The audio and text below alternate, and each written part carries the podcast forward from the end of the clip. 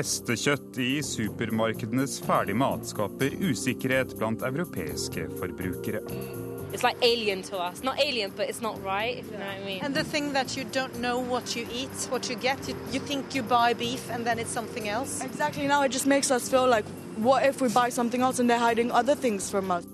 I USA gjenreiser bevisste forbrukere nærbutikken som selger kortreist mat. Um, it's good because they, you know, the the things I buy here from the area, so don't travel far. You know, less ingredients, better food. Mens i Storbritannia presser supermarkedene den dypt britiske institusjonen The Corner Shop vekk ifra gatehjørnene. Og hvem skal da ta seg tid til å prate med de eldre, spør innehaver Peter Patel. especially the older people. So they felt really a loneliness. With the corner shop, they felt that they had somebody to talk to.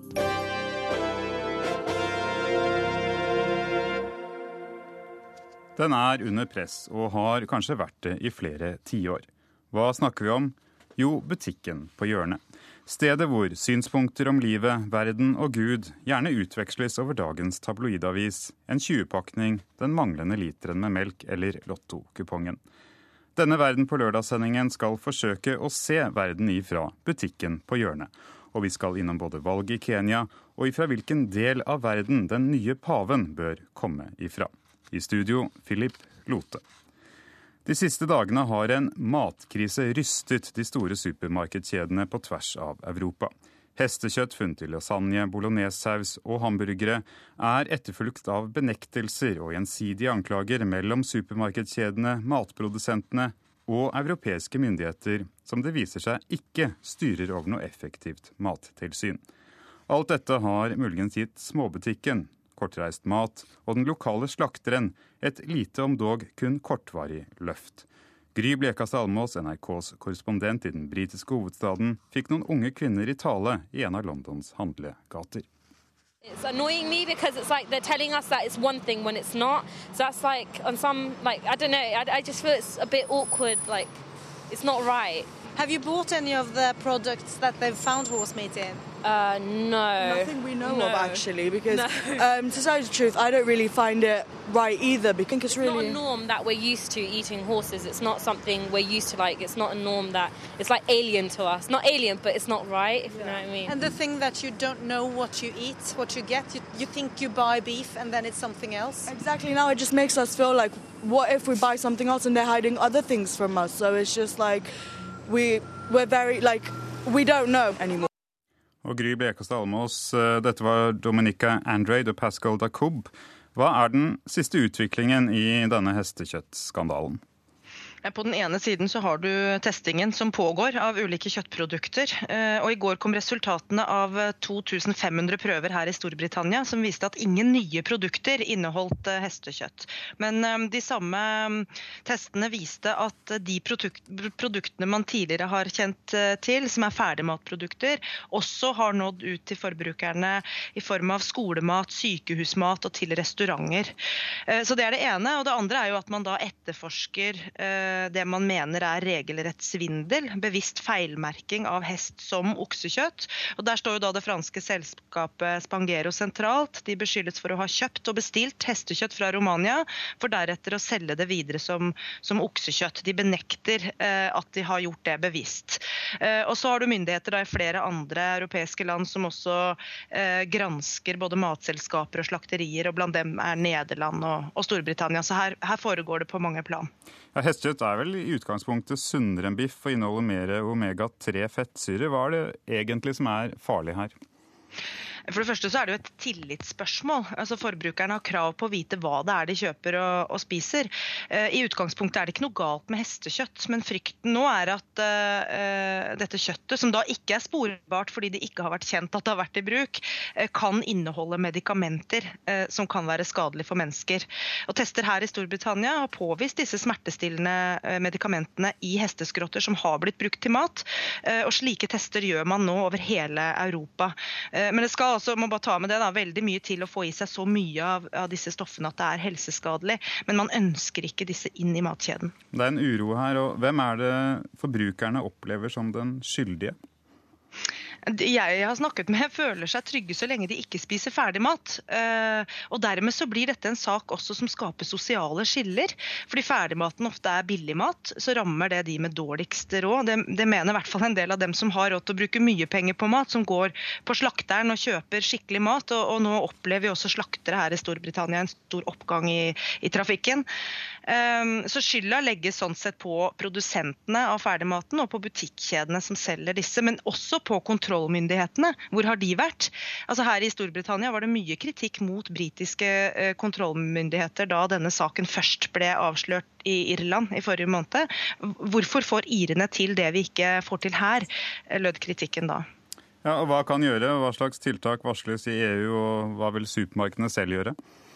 Nei, Supermarkedene er nå veldig opptatt av å gjenreise tilliten, for det er selvfølgelig de helt uh, avhengige av. Så De uh, bedyrer jo nå at de skal uh, gå gjennom dette veldig grundig, at de har kontroller nå av alle varer. Ehm, så Det er testing og det er kontroller, og EU-landene er også blitt enige om at myndighetene da skal kontrollere dette intensivt nå. Både for om det finnes DNA fra hest, og for disse medikamentene. Ja, Supermarkedene er blitt en veldig mektig aktør i alle vesteuropeiske land, og særlig også da i Storbritannia. I hvilken grad går denne hestekjøttskandalen inn i Hvordan kan den endre samfunnet i Storbritannia, tror du? Altså, supermarkedene har jo her også veldig stor makt og har tatt over mye av markedet for, for mindre butikker. Eh, og, og, Dette er jo en tillitskrise som jeg nevnte for dem. Eh, sånn sett så kan det få betydning for deres makt framover. Og, og, kanskje også da for de småbutikkene på hjørnet, de som representerer en kultur som, som står for fall. Eh, og Vi skal få et lite glimt av den kulturen.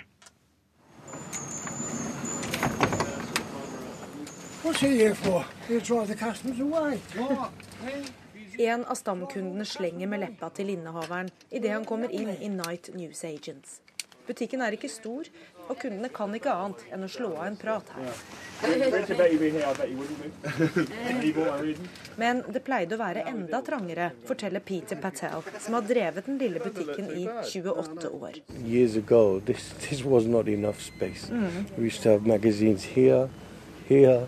We used to have magazines almost everywhere.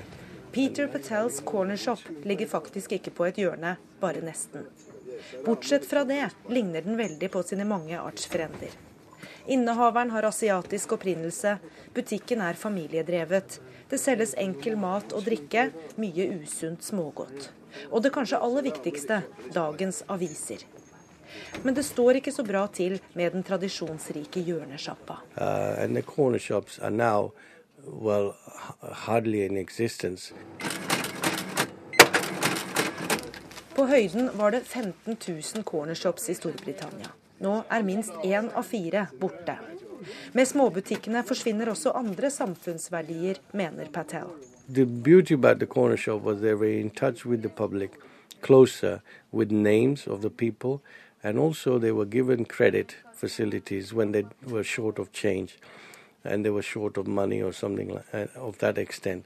So I think it brought community together by having the corner shops, and people felt happy, especially the older people. They had somebody to talk to with corner shop, uh, you know, people, uh, because uh, who else would they be talking to during their day of life? Because you know they had nobody to talk to, so they felt really a loneliness with the corner shop, they felt that they had somebody to talk to.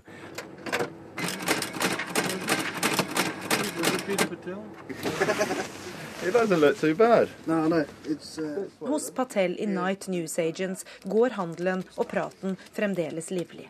Ofte om dagens nyheter. People talk about news all the time. They talk about news as well as they talk about the weather. At the moment, the, the big story about the horse meat scandal is a big thing which is in the papers every day. Hestekjøttskandalen er denne ukas snakkis. Og rettssaken om Chris Huhn, toppolitikeren som fikk kona til å ta skylden da han kjørte for fort. I fjor var det mange hyggelige temaer, da London var vertskap for både OL og dronningjubileum. Men den mest omtalte saken i Peter Patels butikk noen gang var en tragedie. Vi må tilbake til august 1997, da prinsesse Diana døde i Paris. I think that that was a time when I think was probably the most, mo most uh, tragic uh, time of of news uh, dis you know display. They were very depressed uh, because they felt uh, there was a great loss of a wonderful woman Et stort tap av et stort hjerte, sier den nyhetshungrige innehaveren som har spesialisert seg på aviser fra hele verden. And you have also many papers outside. Um, you have the French, uh, you have uh, also German, uh, the Irish, the, you know, the um, Polish. And, you know, London er en by med mange utlendinger, ikke bare turister. Men folk som flytter hit for en kortere eller lengre periode. Kvarte Londons befolkning er ikke britiske statsborgere. Ergo er det et stort marked for utenlandske aviser og blader, mener Patel. Folk ønsker den kontakten hjemover.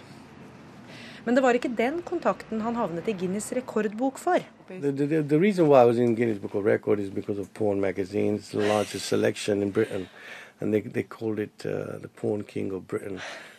Patel's Pleasure Palace. Men også Patels gledeshus står for fall. Hjørnesjappene er i ferd med å utkonkurreres av supermarkedene på den ene siden og av internett på den andre. Stadig flere leser aviser på nettet. Varene er billigere der de selges i store mengder. Det drives kampanjer for å redde den institusjonen hjørnesjappene er i Storbritannia. Noen krever at de får status som bevaringsverdige. Men for Peter Patel er det ikke bare konseptet som skranter. Han begynner å kjenne at det går samme vei med egen helse. Kanskje tar han snart en pave Benedikt og abdiserer. Year min uh, probably been mine last.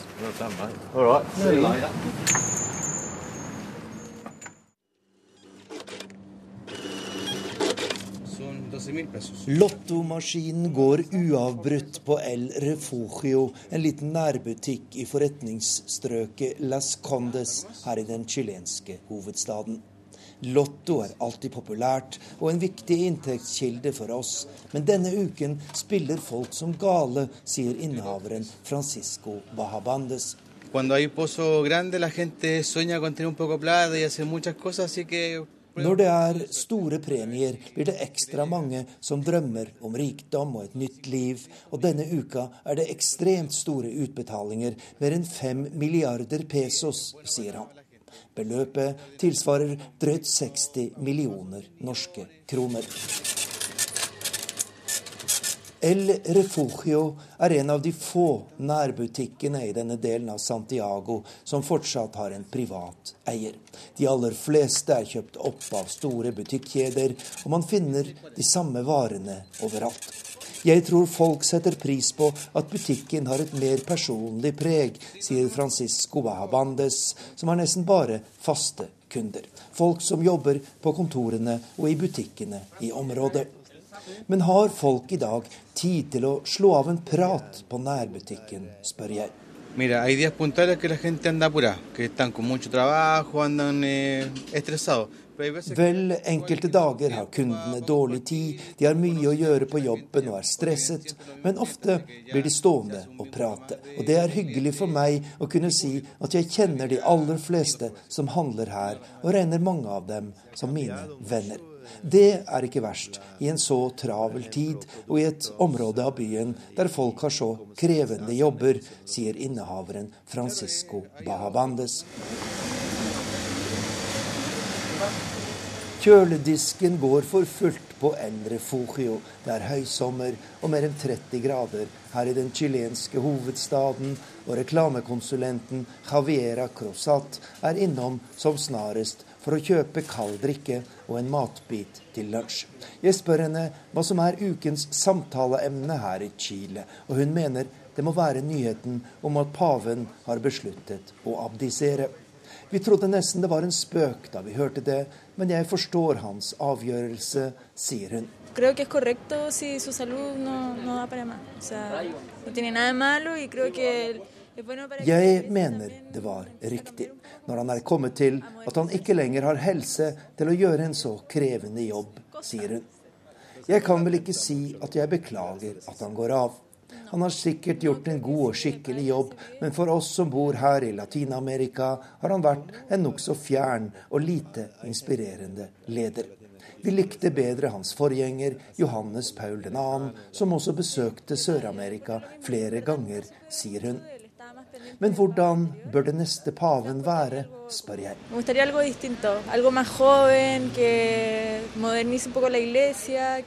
Han bør være annerledes enn denne. Jeg ønsker meg en yngre pave, en som vil modernisere kirken, en som har mer liberale ideer, og som snakker et språk vi kjenner oss igjen i. Det tror jeg også er helt nødvendig dersom den katolske kirken skal overleve på lengre sikt. En pave fra Latin-Amerika mener jeg er en veldig god idé. Da ville vi som bor på dette kontinentet, føle at vi er med og preger kirken i større grad enn i dag. For også her i Chile og i resten av Latin-Amerika mister kirken oppslutning. Bl.a. fordi vi er blitt mer opptatt av penger og materielle ting, sier hun. Og du satser på Lotto, sier jeg, og peker på kupongen hun holder i hånden. Ja, jeg spiller mye på Lotto, ler hun. Men vinner du, spør jeg. Nei, jeg har aldri vunnet i Lotto, sier Javiera Crosat, kunde i nærbutikken El Refugio her i Santiago de Chile. Mange forbinder USA med det virkelige enorme supermarkedet. Men mange velstående intellektuelle amerikanere elsker nærbutikken, og betaler gjerne ekstra for å beholde en slik i nabolaget. Kollega Tove Bjørgaas tar oss med til sin butikk på hjørnet i Washington DC. I like just having this little building here. It's so attractive, and you see people with little babies, and it's across the street from the public school. So you see children in here. It has a what? It reminds me of when I was a child, a store I went to when I was a child. Judy White er fra seg av begeistring der hun står ved hyllen med bakervarer. Hun simpelthen elsker Broad Branch Market. Det kaffelattefargede huset passer perfekt inn her, på hjørnet like over gata fra Lafayette barneskole og parken med lekeplasser og baseballbane. Her kan en få langt mer enn en liter melk. Hit kommer foreldre med barna etter skoletid for å kjøpe kuleis eller vannmelonslush som inntas på de fargeglade piknikbordene utenfor. Og når butikken åpner klokka sju, er mange på plass for å sikre seg varme bagels og blåbærmuffins. Right Barna mine går på skole rett over gata, forteller Rob Hobson. Han liker at her er kortreist mat å få kjøpt. Um, it's good because they, you know, the the things I buy here from the area, so don't travel far. You know, less ingredients, better food, I guess. Broad Branch Market ligger i Barnaby Woods i det nordvestlige hjørnet av Washington DC. Det er lett å savne dette pepperkakehusnabolaget når en har forlatt det for en stund. I Barnaby Woods hopper ekorn rundt i trærne, ungene sykler i gatene, og en snakker lenge og vel med alle en treffer utenfor nærbutikken. Da diskuterer en hvor mye bedre den offentlige barneskolen er blitt hvor energisk president Obama virket i talen sin på tirsdag, og om han virkelig kan komme noen vei med sin drøm om et offentlig barnehagetilbud. Presidenten bor bare et kjapt kvarters biltur unna, og mange av dem som bor her i Barnaby Woods, jobber i Det hvite hus eller i tankesmier, departementer og aviser. De som handler bagels på Broad Branch Market, har gjerne vokst opp her i Washington eller i New York eller Boston. Sannsynligvis i forsteder der nærbutikken døde da supermarkedene overtok. Nærbutikken kjenner folk her bare fra barndommens sommerferier i Martha's Vineyard eller på Fire Island utenfor New York. Broad Branch Market gjør sommerminnene levende året rundt. Uh, we're very much in favor of supporting small businesses, and it's a great. The, we know the owners, and they're wonderful people, and um, we like it being in the community. Vi liker småbedrifter og støtter gjerne opp, forklarer Shannon Beam. Også Sharon Bronze bruker gjerne noen ekstra dollar her på Broad Branch. Mm, it just creates a good sense of community because they also have, you know, it, with the store on Saturday mornings, there's also another market. And um, it's just convenient, you know, and people gather around here. You know, you'll always find someone here either in the morning, lunchtime, dinner time. So they serve all the needs, basically. Mange av stamkundene her ville aldri drømme om å sette sine ben på Walmart. Og de vil selvsagt aldri stemme på republikanerne. En gang i uka handler de på det store supermarkedet med 74 typer frokostblanding. Men Broad Branch er stedet for daglig småhandling, forteller Shannon. For snacks and when you run out of something, it's really easy. And they also can order things as well um, if you ever need it. Um, so they're a good specialty store. So it's great. I think they do really well in this neighborhood. Inne i butikken henger oppslag om kurs i mindfulness eller yoga. Og i etasjen over holder en lokal Montessori-barnehage til. Politisk korrekt er det, ja visst. Men slik vil dette segmentet av amerikanere ha det. Broad Branch Market er slett ikke enestående. En slik butikk finner du i stadig flere nabolag nær amerikanske storbyer og i forsteder hvor høyt utdannede bosetter seg når de får barn. Her får en hjemmekvernet frittgående kyllingkjøttdeig, ferske krabber og kamskjell, organiske quinoa-snacks og grove surdeigbagetter rett fra ovnen. Judy White kan rett og slett ikke la være å stikke innom på vei hjem fra jobb. I have to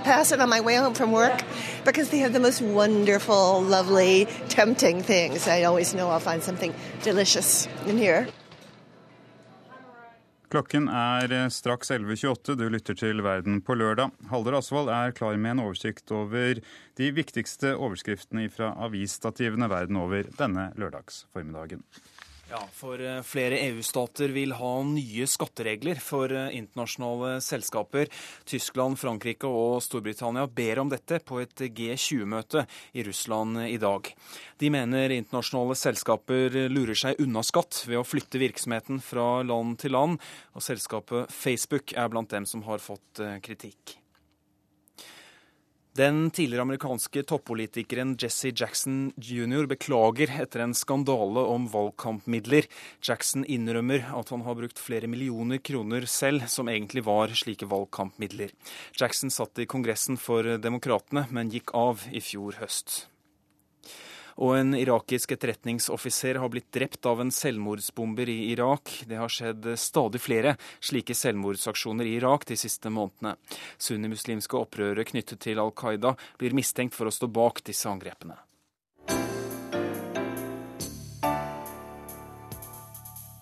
Om en revolusjon utspiller seg i gatene, er det ofte nærbutikken med sin fortausplassering som er et egnet sted å følge det hele ifra. Denne uken er det to år siden Hosni Mubarak gikk av som president. Fra sin inneklemte butikk i Kairo har Ahmed al-Haq fulgt to år med kraftige omveltninger i Egypt. Midtøsten-korrespondent Sigurd Falkenberg Mikkelsen møtte kjøpmannen som ikke ble satt ut da Mubarak gikk av, og fremdeles holder en ro i den fortsatte uroen. البزنس تغير ولا لا لا مفيش تغير يعني كويس يعني ماشي على طول الحمد لله كويس Ahmed al-Hag er ikke som de fleste andre kjøpmenn her i Kairo disse dager. Han synes forretningene går bra. Ja, han har i grunn ikke så mye å utsette på livet. Han driver en liten butikk klemt inne mellom en moderne kafé drevet av en stor kjede her i Egypt kalt Binos, og på den andre en stor, gammel leiegård, forfallen, men fortsatt med en aura av gammel storhet. Ahmed har eid denne butikken i 35 år, og gjorde et godt valg da han etablerte seg. For forretningen hans ligger på Zemalek, den velstående øya som ligger midt i Nilen og huser et sted mellom 50 og 100 000 mennesker. Slik har han så langt unngått det meste av trøbbelet resten av landet har gått gjennom.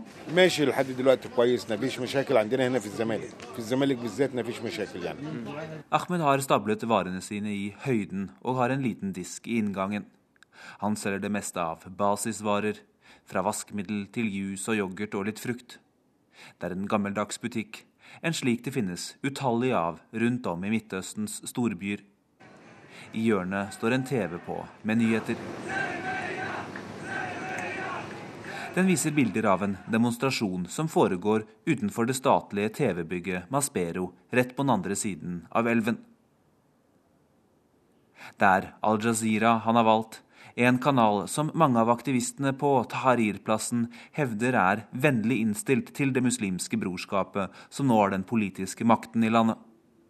Bildene viser da også demonstranter som demonstrerer mot demonstrantene på Tahrir. For de har de siste dagene hindret byråkratene å komme inn i Mugamma, selve nervesenteret i det kompliserte egyptiske byråkratiet. Et bygg som ligger i et av hjørnene på plassen.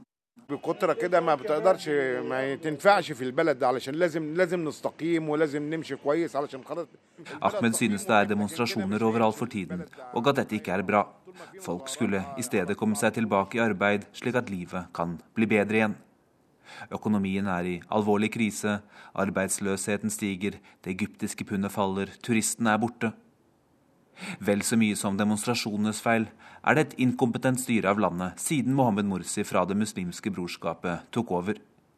Men Ahmed er ikke pessimistisk, selv om han tror det kan bli verre før det blir bedre. Landet har tross alt gjennomgått en revolusjon. Og han selv, har han noen ambisjoner på vegne av butikken sin? Merker han f.eks. noe til konkurransen fra de store supermarkedkjedene som Carrefour og andre?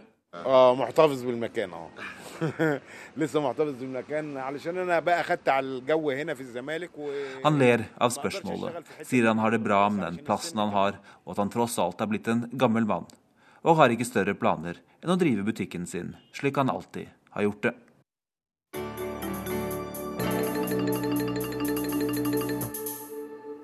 I Kenya sa landets høyesterett i går at de ikke er i noen posisjon til å bestemme om Uhuru Kenyatta er valgbar eller ikke. Retten avslo derfor å ta stilling til en appell fra aktivistgrupper som ønsker at den omstridte sønnen til landets første president blir utestengt fra valget den 4. mars. Kenyatta er anklaget for forbrytelser mot menneskeheten. I et land hvor eliten handler på de stadig flere kjøpesentrene, har Afrikakorrespondent Lars Sigurd Sunnanå tatt den politiske temperaturen ved en bod på et marked for vanlige kenyanere i Nairobi.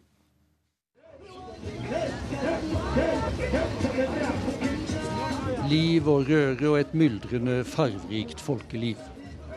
Vi er på markedet i Kawangwari, en av Nairobis fattigste bydeler. Enten du er på jakt etter piratkopierte filmer, brød, tepper, gullfliser, tomater, bøker, kjøleskap, sko eller brukte klær. Det er her du finner det du leter etter. De flotte og moderne kjøpesentrene som skyter i været i Kenyas hovedstad, er for de rike, for den stadig voksende middelklassen og skaren av diplomater og internasjonale bistandsarbeidere, som gjør sin ofte godt betalte gjerning i den østafrikanske nasjonen med rundt 40 millioner innbyggere. Men det er på markedet som i Kawangwari at flertallet av Nairobis innbyggere kjøper det de har råd til. Av bl.a. grønnsakshandlere som kameratene Steven Wogwai og Kenneth Karanya. Begge ser for seg en lysere fremtid nå. For 4. mars er det valg på ny president og ny nasjonalforsamling i Kenya. Og Steven Wogwai er ikke i tvil om hvem han ønsker skal overta landets høyeste embete. Det må bli Uhuru Kenyatta, sønn av Kenyas første president og frigjøringshelt Jomo Kenyatta.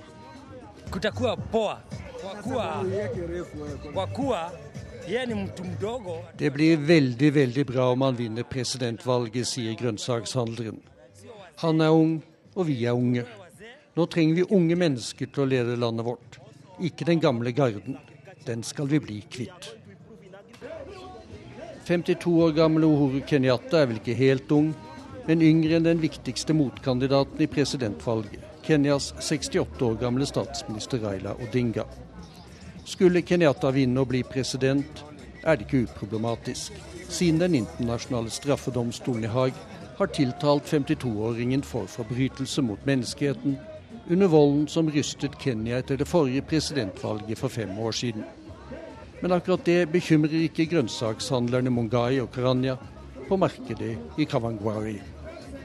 atashinda atashinda hiyo ICC Eh, na hana makosa vile twajua hana makosa Han kommer til å vinne rettssaken i Haag, sier de. Slik vi ser det, er han ingen forbryter. Han forsvarte folk under volden. Det er president Waiki Kibaki og Raila Odinga som skulle vært tiltalt i Haag, mener de to. Det er det kommende valget kenyanere flest nå er opptatt av. Hva som skjer ellers i verden, er ikke fullt så viktig. Men grønnsakshandlerne Mungai og Krania har tro på at Afrika vil fortsette fremgangen som er kommet i en rekke nasjoner de siste årene. inaendelea inaendelea Eh. juu Mungu ndiye anafanya mane, mwambie hii. Fremgangen kommer med Guds hjelp, sier de. Med Gud i høysetet vil en stadig bli større i Afrika. Og vi kommer helt til å legge kolonitiden bak oss. Kanskje er det ikke det, det magasinet det blir solgt mest av på, i butikker på gatehjørner og aviskiosker verden over, men du finner også eksemplarer av Foreign Affairs hvis du leter litt rundt omkring i forskjellige hovedsteder. Og litt i den gaten er det vi skal nå. Ukens utenrikskommentar er fra Gro Holm, og den tar for seg interessekonflikter mellom USA og Frankrike i Afrika. Amerikanerne gjør felles sak med Algerie for å kaste oss ut av Afrika. Dette ganske så udiplomatiske utsagnet kom fra en tidligere fransk diplomat på en konferanse i utkanten av Oslo denne uka. Den dekorerte forskeren var uvanlig skarp i sine karakteristikker av en alliert som faktisk akkurat nå bidrar til at Frankrike kan forsvare sine interesser i Mali. Han viste bl.a. til algerisk støtte til maliske opprørere og amerikanske forsøk på å overta Frankrikes rolle i tidligere kolonier. Det er liten tvil. Frankrike og fransk språk er på defensiven i Afrika. Ifølge en meningsmåling fra Gallup om USAs lederrolle i verden, mener 85% av de spurte i sju fransktalende tidligere kolonier i Afrika at det er positivt at USA leder. For yngre fransktalende middelklasseafrikanere er ikke Sorbonne eller andre franske eliteuniversiteter lenger det opplagte valget. Nå søker mange seg til USA i stedet. Den amerikanske, mer åpne og langt mindre autoritære bedriftskulturen er mer tiltrekkende, og afrikanere med ambisjoner opplever at det er enklere å gjøre karriere i amerikanske enn i franske selskap. Etter folkemordet i det fransktalende Rwanda innførte presidenten engelsk som tredje offisielle språk. Selv hadde han fått militær trening i USA, og nå velger store deler av eliten å snakke engelsk. Det pågår altså en anglifisering av det franske Afrika, som ikke skyldes våpen eller annen maktbruk.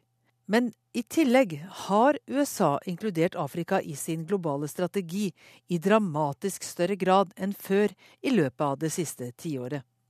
Sagt med den franske diplomatens ord, USA forsøker å utvide Atlanterhavssamarbeidet til å inkludere både Afrika og deler av Sør-Amerika. Stikkord er olje og sikkerhet. 18% av den oljen USA importerer, kommer fra land rundt Guinea-bukta, og andelen er økende, skrev to amerikanske forskere allerede i 2010. Oljereserven i Afrika er større enn i og rundt Kaspihavet. Handelen med Afrika er tredoblet siden 1990. I 2007 opprettet Nato under amerikansk ledelse en egen Afrikakommando i Tyskland, med henvisning til bl.a. terrorfaren på kontinentet. Men den overordnede hensikten for amerikanerne er å inkorporere denne oljerike regionen i den amerikanskledede liberale økonomiske verdensorden, skriver forskerne fra tenketanken Atlanterhavsrådet. Da det sto på som verst med gasskrig mellom Ukraina og Russland, reiste Natos militære øverstkommanderende rundt med powerpoint-foredrag om energisikkerhet.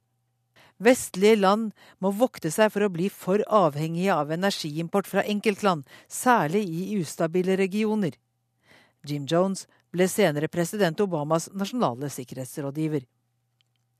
USA kommer ikke til å gå inn med soldater på bakken i Mali, men deres fly har fraktet inn franske soldater, og deres fly etterfyller drivstoff på franske fly. Også i Libya spilte USA en nøkkelrolle, fra baksetet. Militærkapasiteten og de økonomiske musklene gir likevel et overtak, fordi så mange har interesse av en stabilitet som bare USA kan garantere. En gang i framtida kan kanskje Kina utfordre USA i Afrika, men det er ennå langt fram, både økonomisk og militært.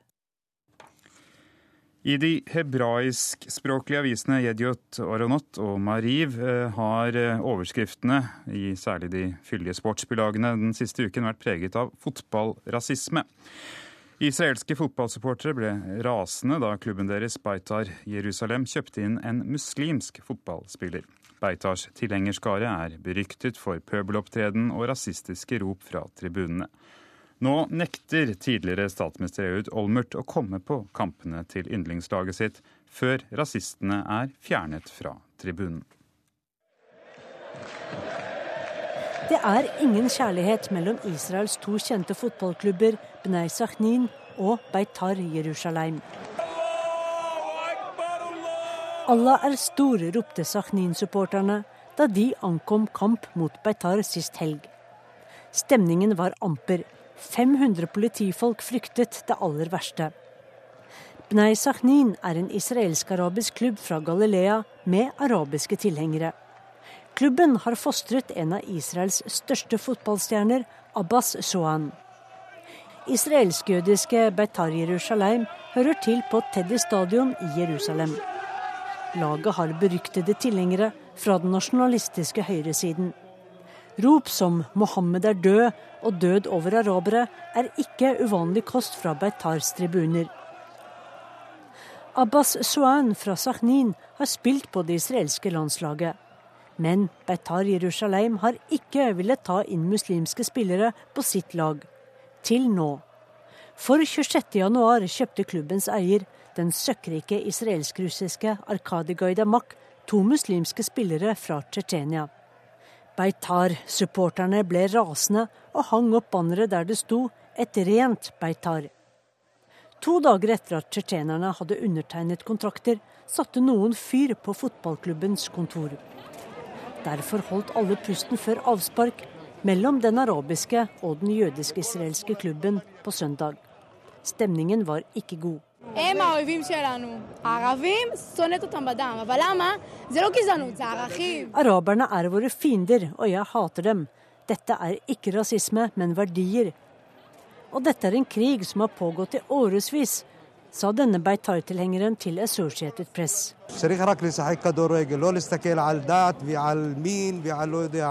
Man må spille fotball, ikke se på religion og kjønn og jeg vet ikke hva. Vi fra Sakhnin kommer godt overens med alle fotballsupportere i Israel, unntatt dem fra Beitar. Hvorfor? Dette er et alvorlig problem som må løses, sa Sakhnin-supporter Abu Ayad Majed. Han er en av Israels arabiske statsborgere, som utgjør 20% av befolkningen. Beitar Jerusalem har mektige tilhengere, blant dem statsminister Benjamin Netanyahu og hans forgjenger Ehud Olmert. Olmert, som også har vært borgermester i Jerusalem, er alltid å se på Teddy stadion. Men rystet av rasismen skrev han i Israels største avis, Jediota Chronot, at en av de fineste dagene i israelsk sport var da Bnei Sakhnin vant det nasjonale fotballmesterskapet i 2004. Det var rørende å se arabiske spillere danse med det israelske flagget. Olmert nekter å godta rasistene som ønsker seg et rent Beitar uten muslimer og arabere. Jeg nekter å komme på flere fotballkamper før rasistene er fjernet fra tribunene, skrev han. Jeg er lei av å bli satt i bås med de som roper på renhet, som bruker samme ord som antisemitter, og som uttrykker hat, avsky og intoleranse av det mørkeste slag, skrev Beitar-supporter Ehud Olmert. Så skulle det vise seg at kampen sist søndag ble en demonstrasjon mot den mest hardkokte og rasistiske Beitar-klanen. Den som på mafiavis bare kalles La Familia, og som teller opp mot 1000 medlemmer. For da den tsjetsjenske spilleren Kadiev løp ut på banen, ble han møtt av jubel fra tribunene. I tusentall hadde israelske fotballfans møtt opp for å sette rasistene på plass. Den fryktede hatkampen ble til en manifestasjon mot intoleranse. Mange mente, som statsminister Netanyahu, at rasistene har fått herje altfor lenge på israelske fotballtribuner. זאת אלימות וגזענות וחרמות, אלה דברים שאינם מקובלים עלינו. Vold og rasisme er uakseptabelt for oss. Jeg har støttet Beitar Jerusalem i årevis, og laget har gode tilhengere. Men i det siste har vi sett ekstremisme som må fjernes fra sportsverdenen, sier Netanyahu. Neste kamp mellom lagene fra Sahnin og Jerusalem vil vise om toleransen også seirer. Cecil Wold hadde laget denne reportasjen.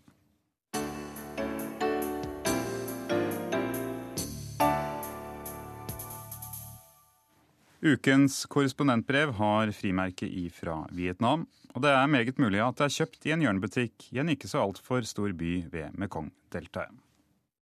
Landsbyen er pyntet til vietnamesisk nyttår, tett. Gårdsplassene foran husene feiet, og utenfor hver inngang står minst to store potter bugnende med gule krysantemum, selve symbolet på nyttårsfeiringen her i den sørlige delen av landet, omtrent som vårt grantre til jul. Vår tolk og kjentkvinne Linn peker på et blått nummerskilt på det nærmeste huset. Familien som bor her, har oppført seg bra, forteller hun, med stemmen sydende av stolthet. På skiltet ved siden av selve husnummeret står en setning i klare, hvite bokstaver mot den blå bunnen.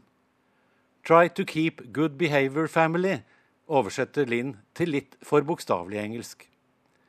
Skiltet er delt ut av de lokale myndighetene for å vise at familien som befolker huset, er av særlig god moralsk kvalitet.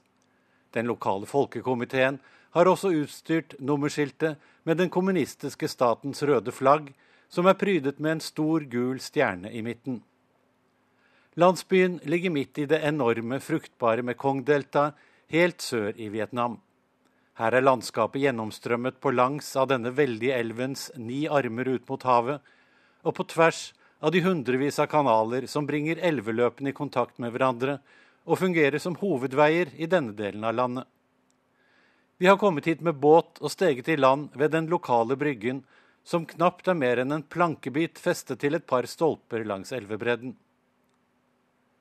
Langs hovedveien, om man kan kalle det det, ligger flere hus med blått nummerskilt.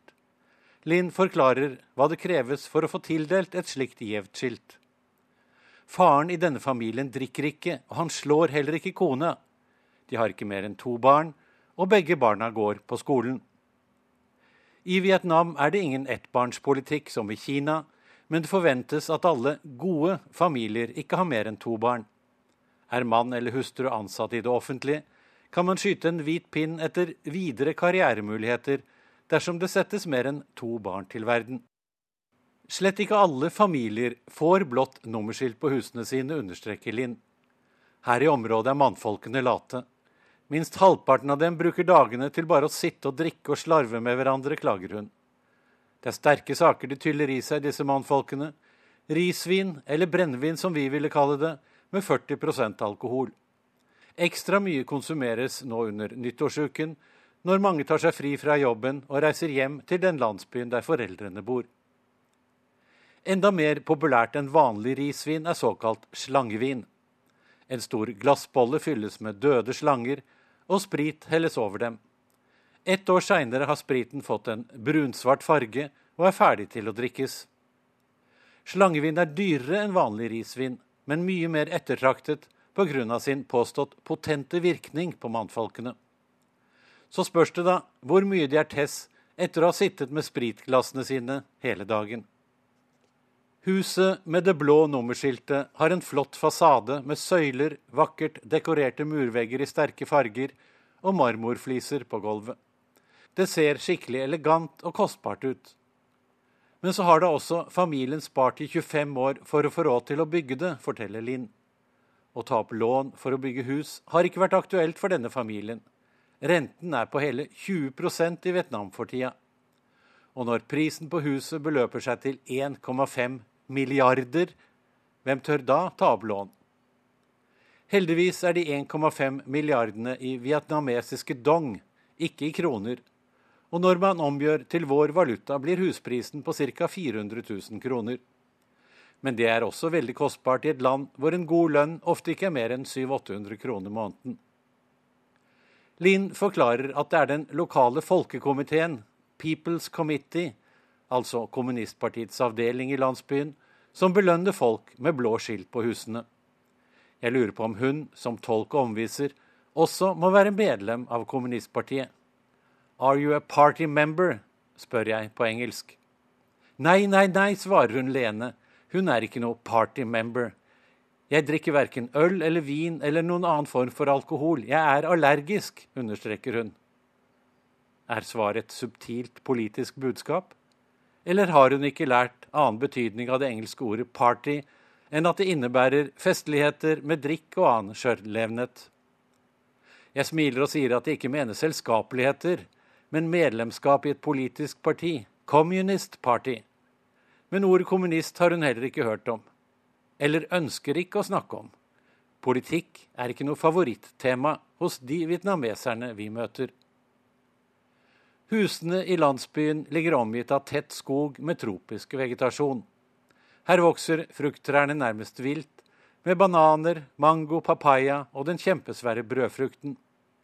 Innimellom trærne er det kanaler og små dammer med vann, noen av dem fulle av oppdrettsfisk. Høyden over havet er om lag én meter, så når Mekongelven går flomstor en gang i året, ligger mesteparten av dette landskapet under vann. Denne årlige flommen er avgjørende for gjødsling og vanning av rismarkene som ligger rett bak landsbyen. Nå står de tett, fylt av snart modent korn, bølgende utover mot horisonten. Vietnam er verdens nest største eksportør av ris etter Thailand. I den sørlige delen av landet kan man så ris og høste den tre ganger i året. Og her trenger man ikke engang å plante ut risen. Såkornet spres direkte ut på åkeren og spirer etter tre dager. Når det har gått 100 dager til, er risen gyllen og ferdig til å høstes.